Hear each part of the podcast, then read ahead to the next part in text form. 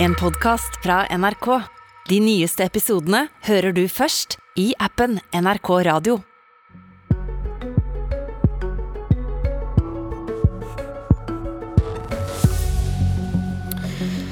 Denne helgen legger SV siste hånd på eget budsjett. Det de skal slå i forhandlingsbordet med. Samtidig velger KrF en ny leder, som må gjenreise et parti som nettopp kom ut av det SV kan være på vei inn i. For hva skjer med et lite parti som samarbeider med de store?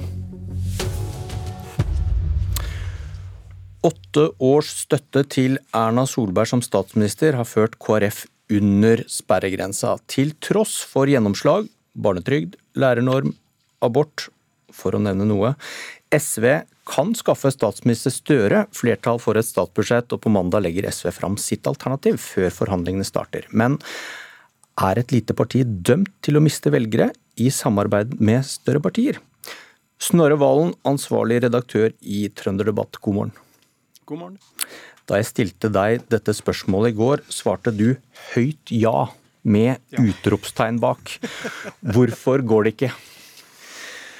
Det er jo fordi det har en, en, kostnad å ha makt. Altså Det har jo ikke noe med å gjøre at du samarbeider med store partier, men det har noe med å gjøre at det er maktens pris å, å tape oppslutning over tid. Og Hvis du er et stort parti, så har du mer å gå på enn om du er et lite parti. Men så henger det nok også sammen med at mange av de små partiene i Norge i større grad enn de store er særinteressepartier, med store forventninger fra sine egne velgere på sine skuldre. Eh, og Da blir også den opplevde skuffelsen større, og man ikke får så mye gjennomslag som, som det man har håpa. Har ikke Venstre klart et kunststykke? Jo, og Venstre er den åpenbare innvendinga her, men de er altså unntaket som bekrefter regelen. Altså. Og Venstre er en litt annen sak, fordi de, det nærmest er en, en, politisk tradisjon i Norge med taktisk stemmegivning på borgerlig side for å få Venstre over sperregrensa. Det er jo et, et fenomen som alle velgere etter hvert kjenner til. ikke sant? Så, så, Venstre imponerer ved å gå fram når de sitter i regjering, men, men det er nå bare de som får det til, da. Lars Nehru Sand, politisk kommentator i NRK, god morgen. God morgen. Er SV dømt til å miste velgere hvis de samarbeider med regjeringen? Det er i hvert fall det mest sannsynlige, det man må ta høyde for, både i og utenfor SV, som, som Valen er inne på. Men det handler jo også om at eh, de små partiene da må vite hva de går inn i når de søker makt. De må være forberedt på det, og det opplever at SV er.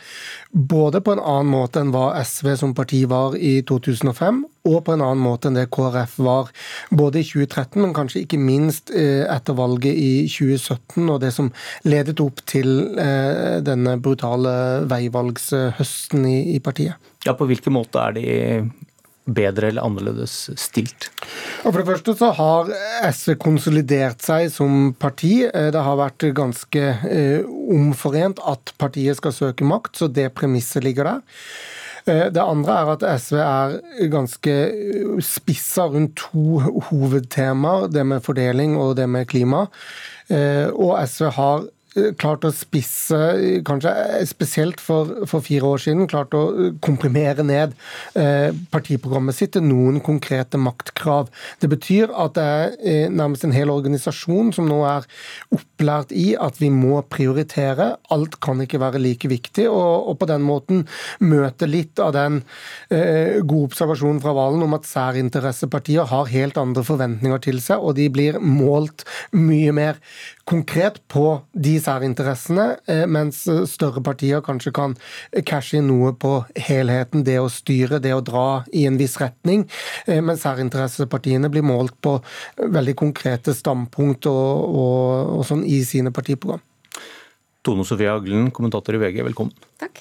Eh, snakket om det i stad, det skjer andre Denne helgen er liksom SV sin helg inn mot eh, deres alternative budsjett. Og så har vi KrF som velger ny leder man finne seg sjæl og alt det der. Eh, er det, er det, noe SV kan lære av erfaringene til KrF, som da endte denne ferden under sperregrensen? Ja, det er det så absolutt. Nå tror jeg SV er mye bedre skodd, som eh, Lars Nehru Sand eh, sa. Men vi så jo KrF som vippeparti, et parti som var helt ute av stand til å prioritere hva som var viktigst for dem som parti. De løp etter absolutt alle ballene, og alt var like stort og eh, like viktig. Og da brukte de også veldig mye politisk kapital og krefter på saker hvor de ikke har noe særlig velger å hente. Lærernorm er vel et eksempel på det. Kommunereform. Eh, og det gjorde det fryktelig vanskelig for dem. Så jeg tror for et mindre parti så er det særdeles viktig å velge noen saker hvor de eh, kan gjøre en forskjell, og hvor de også har et sakseierskap. Og så handler det også litt om hvordan man oppfører seg i opposisjon. Vi så med ja, kanskje særlig med Venstre, eh, når de også var vippeparti, at de, det ble veldig mye skrik og skrål og, og, drama, og det gjorde åpenbart lite inntrykk på velgerne. Så jeg tror nok dem, også hvordan man klarer å å selge inn sine gjennomslag er, eh, er, viktig. og mm, Jeg tror nok at SV vil se at de vil komme veldig mange fristelser etter hvert. Allerede så har jo til og med Arbeiderpartitopper rundt omkring vært ute og fridd til dem om å berge kollektivtrafikken, så de vil jo bli utsatt for et massivt press. Hvem opplever mest slitasje i en koalisjon, i et slikt samarbeid? Nei, det, Politikk er jo ikke noe naturlig. altså Det er jo ikke sånn at små partier nødvendigvis mister velgere. Men erfaringsmessig så ser vi at det er eh, de mindre koalisjonspartiene som, eh, som, taper mest. og Jeg tror nok også det handler om at de ikke får det styringstillegget som det største partiet får. Det står i hvert fall veldig godt eh, under pandemien. Valen, er, er de dømt til å bli enige? SV og regjeringspartiene? Fra deres eget ståsted, ja. Og det både fordi eh, det har festa seg over veldig mange år en idé om at de rød-grønne partiene skal samarbeide hvis de får flertall, eh, sjøl om de ikke sitter i regjering sammen. Men for det andre fordi det er ganske dramatisk både for kanskje spesielt Arbeiderpartiet og SV om de ikke greier å bli enige i høst. Da har du en hel stortingsperiode foran deg med veldig mye mer spill, veldig mye mer usikkerhet. Og Arbeiderpartiet risikerer å måtte trekke mer inn mot sentrum. SV risikerer å få skylda for å ha dytta regjeringa inn mot sentrum. Det, det framstilles ofte som SVs største utfordring at de har mye konkurranse fra MDG og Rødt. Eh, men, men, det er nå vel så mye andre veien også. Det, jeg tror mange velgere forventer av SV at de skal levere resultater som ikke Arbeiderpartiet og Senterpartiet er i stand til å levere alene. Og Dermed får SV mindre verdi om det ikke er et parti som, som faktisk utøver makta de neste åra. Sand, du, du, sa til meg i går at Norge er jo avhengig av at mindre partier samarbeider, selv om det da koster, som vi snakker om her. Hva betyr det for SV? Det betyr at eh, SV er litt i den rollen som KrF og Venstre har vært i i åtte år, hvor man kanskje ikke sitter i regjering, men man opplever et helt klart skjebnefellesskap med eh, regjeringen. Det opplever jo velgerne også, i og med at eh, disse partiene på utsiden vel så gjerne kan få en, en regjeringsslitasje, selv om de ikke sitter i regjering, men de sitter med ansvar, og de oppleves som en del av det kollektivet som, som jo gjør opp budsjettavtalene, f.eks., og får mye skyld og ansvar på den måten der. Så er det jo rent matematisk sånn at uh, i et flerpartisystem uh, så, så, vil vi måtte ha små partier som samarbeider med de store ved hvert valg, nærmest uavhengig av valgresultatet, fordi vi vanskelig kan se for oss at ett parti får uh, over 50% og vi vanskelig kan se for oss at Høyre og Arbeiderpartiet samarbeider. KrF er jo et parti som kan samarbeide begge veier. Vi husker deres veivalg. Hva slags veivalg har SV egentlig? Eh, de har vel et veivalg hva slags eh, opposisjonsparti de skal eh, være. og og Det handler kanskje mye om om de kommer til å være en del av den øvre opposisjonen som vil benytte enhver anledning til å, til å stikke bort i regjeringa, eller om de vil være mer konstruktivt, som man gjerne kaller mer sånn bestevenn eller samarbeidsparti. Men det er jo også et annet politisk landskap i dag med på de to viktigste sakene til SV, eh, klima og ulikhet, så har du liksom fått hvert sitt parti som er mye spissere og går mye lenger enn dem. Så det er jo ikke noen enkel eh, jobb SV har. Og så er jo jeg veldig spent på om SV kommer til å tenke at de også vil ta skrittet vente inn i regjering Eh, på sikt. Eh, Audun Lysbakken åpna jo for det når han forlot eh, Hurdalssjøen, og da tror jeg i hvert fall erfaringa fra KrF og Venstre er at da bør han i så fall ikke vente så lenge som det de gjorde, for de opplevde å gå inn i regjering på et så sent tidspunkt at du ikke fikk med oppturen og de gode dagene, og det, når det var mye energi i laget, men gikk inn så seint at det nærmest var et ganske slitent lag de kom til. Ja, hva tror du om det, Valen? Hva skal til for at SV velger å gå inn i regjeringen på et senere tidspunkt? Da blir jo høsten eh, nå veldig viktig. Eh, store deler av SVs organisasjon virka på meg å være veldig klar for å gå inn i regjering etter valgresultatet nå i år. og Jeg tror det var en ganske sånn genuin skuffelse både blant mange av SVs velgere og medlemmer når det ikke ble noe av ved Hurdalssjøen. Og Det er jo i seg sjøl ganske annerledes enn i 2005. Da var situasjonen litt motsatt. Da SV gikk inn i regjering for første gang, da var nok skepsisen ganske stor i SVs grunnfjell, sjøl om ledelsen var veldig for. Og Dermed så er det ikke noe i veien internt i SV tror jeg, for å søke regjeringssamarbeid senere i perioden. men men da må jo et eller annet materielt forandre seg, da, som, som gjør at partiet opplever at de, de, får en innflytelse de ikke trodde de ville få da de satt og, og sonderte, som det heter eh, i Hurdalssjøen. Um, og Derfor så, så, tror jo ikke jeg det er aktuelt egentlig i løpet av den perioden her. Uh, det er ingenting som tilsier at Senterpartiet skulle mildne i sitt syn på SV i løpet av de neste fire åra.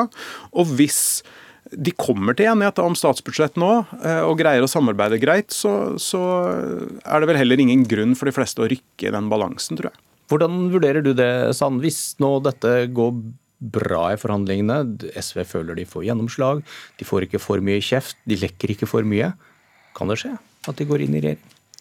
Jeg synes Det er vanskelig å se for seg før et nytt valgresultat eh, foreligger, rett og slett fordi SV vil jo da si at de, hvis det går bra i år, så vil de si at det, det, var riktig å stå utenfor. Det er derfor det går bra. Og hvis det går dårlig i år, så sier de at avstanden har økt, så det er i hvert fall ikke noen grunn til å gå inn. Eh, det man kan få en ny diskusjon på når eh, på en måte alle baller kastes opp på nytt ved et valgresultat, er at du ser at styrkeforholdet internt på, på rød-grønn side er forandra, f.eks eller det kan gi andre incitament til å gå inn. Eh, for det er helt riktig som Aglen sier, at det å komme inn i en regjering som er i gang med de store prosjektene, det gjør det veldig vanskelig for deg å definere som parti hva du skal ha igjen ved å gå inn. Og jo lenger man venter, jo, jo vanskeligere blir det tidsvinduet der. Så blir Olaug Bollestad ny KrF-leder i helgen. Hva kan hun lære av SV? Ehm, og ganske mye, tror jeg. Eh, ikke minst den budskapsdisiplinen som Audun Lysbakken har vært eh, veldig god på. Eh, så har de litt sånn ulike mm, utfordringer. Jeg vil vel si at KrF sine er ganske mye dypere enn det SV sine var. Ehm, SV har jo smalna seg ganske mye inn mot det partiet de var. De kollapsa fullstendig sakseierskapet og skolepolitikken. KrF har litt sånn motsatt problem. De er jo nødt til å gi velgerne flere grunner til at de skal stemme på KrF. og Det er ikke det samme som at eh, de skal fortsette som de gjorde i opposisjon, med å løpe etter absolutt alle ballene på Stortinget, være et lett bytte for alle pressgrupper og ikke klare å prioritere det som er viktigst for deres eh, velgere. Men Hvordan skal de lære av SV da, hvis, eh, Lars, hvis, hvis SVs suksessformel var å bli smalere, mens KrF behøver å bli bredere og få flere saker å spille på? Nei, Det er jo i og for seg krevende, men jeg tror det, det å, å klare å begrunne ens egen berettigelse som parti. Det er jo det som er viktig for eh, KrF. Og nå har man prøvd gjennom ulike år og med litt ulike partiledere litt ulike måter å gjøre det på. Eh, ingen av de har funka, og jeg tror det avgjørende for Bollestad er å å vise over tid at eh, det er noe gjenkjennelig ved KrF, og det er behov for KrF. og da tror jeg man må eh, se på hvilke saker KrF vil og kan ha sakseierskap til, som, som, de er alene om, og som de kan bli best på i det politiske landskapet. Eh, og det kan godt være at det er eh, andre ting enn det man forbinder med KrF i dag, men da må de tørre å satse fullt og helt på det, og ikke være redd for å miste velgere ved å snakke mindre om noe. Eh, og så ser vi at Bollestad allerede nå gjør noen avklaringer med abort eh, og, og homofili som, som, gjør at hun kanskje kommer lettere til det å, å eh, møte velgerne på de vanskelige sakene for partiet, enn det hennes forgjengere har gjort. Hva bør Bollestad gjøre, Valen? Hun bør være seg sjøl. Altså, Bollestad er veldig karismatisk, dyktig eh, og eh, annerledes type partileder. Hun er typatt, som vi sier her i Trondheim. Det tror jeg er veldig positivt. For, for eh, KrF, som en gang i tida var ja, Arbeiderpartiets foretrukne budsjettpartner, et, et, populært regjeringsparti, de hadde òg partiledere som var ganske brei i sin tilnærming til velgerne. Da. Både Kjell Magne Bondevik og Valgerd Svarstad Haugland. Og det KrF har vært borte i mange år. Um, så Én ting er jo å breie ut partiet, som både Aglen og, og Nerussan har vært inne på. Men en, en, annen ting jeg tror er viktig, er jo at det må være samsvar for KrF mellom hva det er de faktisk prioriterer å få gjennomslag for, og hva de uh, oppfattes som, og hva de assosieres med. Um, og Lærernorm, som, som du nevnte i stad, og barnetrygd er begge selv, gode eksempler på selv, seire som er bra, du, men det hjelper ikke når du bare snakker om abort. Selv om du svarer på spørsmålet, så må jeg avbryte det, for vår tid er ute. Dette var Politisk kvarter. Jeg heter Bjørn Myklebust. Du har hørt en podkast fra NRK. De nyeste episodene hører du først i appen NRK Radio.